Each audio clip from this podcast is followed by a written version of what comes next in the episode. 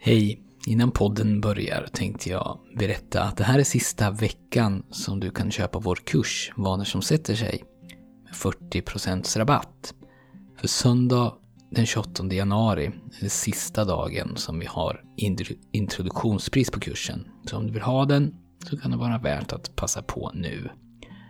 På monkeymindset.se vanor kan du läsa mer.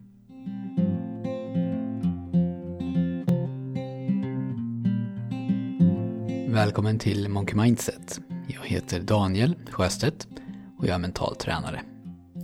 Det här är avsnitt 100 av podden och för att fira så lottar vi i det här avsnittet ut 10 av våra favoritböcker. Om du går in på monkeymindset.se utlottning så kan du se hur du kan delta.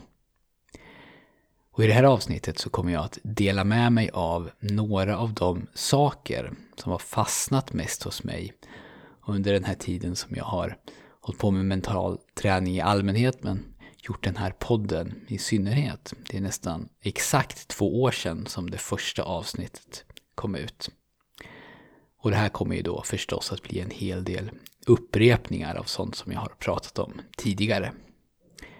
Men det första som jag kommer att tänka på när det gäller podden, det är att jag personligen har lärt mig så otroligt mycket. För att, för att kunna göra varje avsnitt så har det krävts, i alla fall oftast, att jag läser på, att jag väljer ut vad som är viktigast och att jag hittar ett sätt att presentera det som jag vill säga på ett sätt som både ger dig som lyssnare någonting du kan ta med dig och förhoppningsvis är lite lättsamt att lyssna på.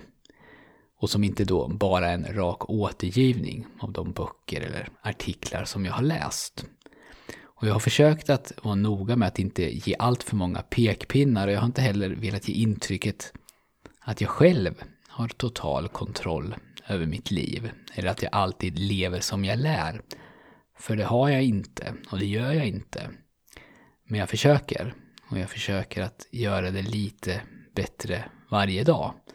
Men vissa dagar så funkar det och andra dagar så, eller ibland långa perioder, så faller jag igenom totalt, precis som jag inbillar mig att det är för de flesta andra.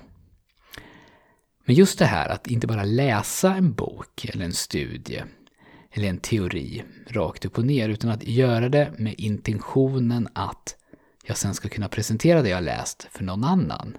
Att jag ska kunna lära ut det i någon mån. Det har gjort att det som har kommit in i högre omfattning har stannat kvar. Och att jag också har kunnat förstå sammanhang och kunna dra egna samband mellan olika böcker kanske som jag har läst och på det sättet kunna göra den här informationen till min egen. Och den enskilda person som jag har pratat mest om i de här poddarna det är nog Lars-Erik Unestål. Han säger ungefär så här att kunskap det är en sak men kompetens är någonting helt annat. Kompetens är när man omsätter kunskapen man har till någonting som faktiskt går att använda. Och när man ger en bok, till exempel, lite tid och jobbar igenom den så är det mycket enklare att omsätta kunskapen man får genom att läsa den i kompetens. Man kanske kan hitta en liten sak och så verkligen testa den och se om den fungerar. Så att texten i boken blir någonting verkligt och inte bara någonting som stannar kvar i ens eget huvud och man kan använda som en rolig anekdot eller flasha med sin allmänbildning. Så kontentan av allt det här, det blir då att det kan vara värt att ibland stanna upp i det här jagandet efter mer, i mitt fall då, efter mer kunskap eller efter fler böcker i bokhyllan och se om jag istället inte kan göra mer av det som jag redan har. Om jag kan omsätta den här kunskapen, kanske bara kunskapen i just det här kapitlet eller just det här stycket, till någonting konkret. Även om det bara är till någonting litet och till synes obetydligt. För små saker som görs kontinuerligt har potentialen att skapa massiv förändring på sikt. Och eftersom små saker faktiskt är möjliga att genomföra, inte bara idag och imorgon eller när solen skiner och det är medvind, utan varje dag, så skapas också den här vinnareffekten som Patrik har pratat om i någon av de senaste poddarna. Så om du kan, i alla fall inom vissa delar av ditt liv, se om du kan införa någon pytteliten positiv handling som du gör varje dag och som rör dig i den riktning som du vill. En annan sak som har blivit väldigt tydlig för mig, både i mitt eget liv och sånt som jag läser och alla mejl som jag får, det är hur svårt det är för oss att prioritera. Men hur viktigt det samtidigt är för att leva ett tillfredsställande liv. Och att prioritera, det handlar framför allt, eller det är i alla fall min erfarenhet, om att bestämma vad du inte ska göra och vad du inte ska ha. Att välja bort och rensa. Jag hörde någon säga att vårt begär efter sånt som vi inte behöver, det är omättligt. Och visst ligger det någonting i det. Vår instinkt är ofta att fokusera på det vi inte har och intala oss själva att bara vi får det så kommer vårt liv att bli bättre. Men den som lär sig att prioritera på riktigt inser att det är precis lika viktigt, om inte viktigare, att fokusera på det man redan har som är värdefullt. Saker eller egenskaper. Och sen försöka skapa utrymme för det. Och då handlar det om, i alla fall ofta, att välja bort. Att välja bort sånt som kanske också känns viktigt, eller som är roligt. Och som kanske också behöver göras, men som i det stora hela inte är lika viktigt som den här viktigaste saken. Men det går ju förstås inte att prioritera om du inte vet hur du vill ha det, eller vad som är viktigt. Eller om det handlar om ditt jobb. Vad, vilka delar av det du jobbar med, som skapar mest värde. Och det går ju inte heller att prioritera, eller det blir i alla fall inte lika lätt, om du inte kan skilja på brådskande och viktigt. För brådskande saker kommer det alltid att finnas gott om. Och de har en tendens att prioritera in sig själva i ens liv. Under de här åren som jag har gjort poddarna så har jag ju tränat mentalt regelbundet och jag har också bockat av mina viktigaste saker och mina små positiva regelbundna handlingar i en app som heter Wonderful Day. Jag har tagit upp den här appen i några avsnitt, första gången i avsnitt 39.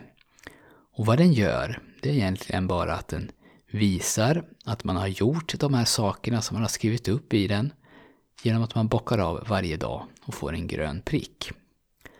Till slut så har man en lång rad gröna prickar och bara det faktum att jag har skrivit mina morgonsidor och bockat av dem 32 dagar i rad i appen gör att jag inte vill missa dag 33. Och hur fånigt det än må låta så ökar möjligheten att man gör det man har sagt att man ska göra. Och jag har tipsat flera av mina klienter om den här appen också och de allra flesta som har provat den upplever samma sak som jag. Att det blir gjort. Och jag vill också passa på förstås att tacka alla er som har hört av er i någon form. Antingen på sociala medier, genom mail eller genom recensioner på iTunes. Jag kan inte med ord beskriva hur mycket jag, och jag vet att det här gäller också för Patrik, har uppskattat kontakten med er lyssnare. Och min ambition, det är att de kommande hundra avsnitten av podden ska bli bättre än de hundra som nu har varit. Och vår ambition, min och Patriks, det är att vi under det här året ska bli mer fokuserade. Att vi ska prioritera hårdare och lägga mer tid på de fåtal ämnen som vi tror, tror gör mest skillnad. Och det kommer definitivt att märkas i vårt företag, alltså det som vi tar betalt för. Och om det kommer att märkas i podden, det vet jag inte riktigt, för vi har diskuterat det. Å ena sidan så kanske det skulle vara bra om vi bara pratade om djupt arbete och vanor och mental återhämtning och verkligen kunde nörda ner oss i de ämnena. Men å andra sidan så är det roligt och tillfredsställande för oss personligen att kunna få prata om lite vad som helst i de här poddarna. Att ha en arena där man kan dela med sig av de intressanta sakerna som man stöter på oavsett om de passar perfekt in i vår affärsplan eller inte. Men vi får se, och om du har förslag eller åsikter så är du hjärtligt välkommen att skicka dem till mig på daniel.monkeymindset.se.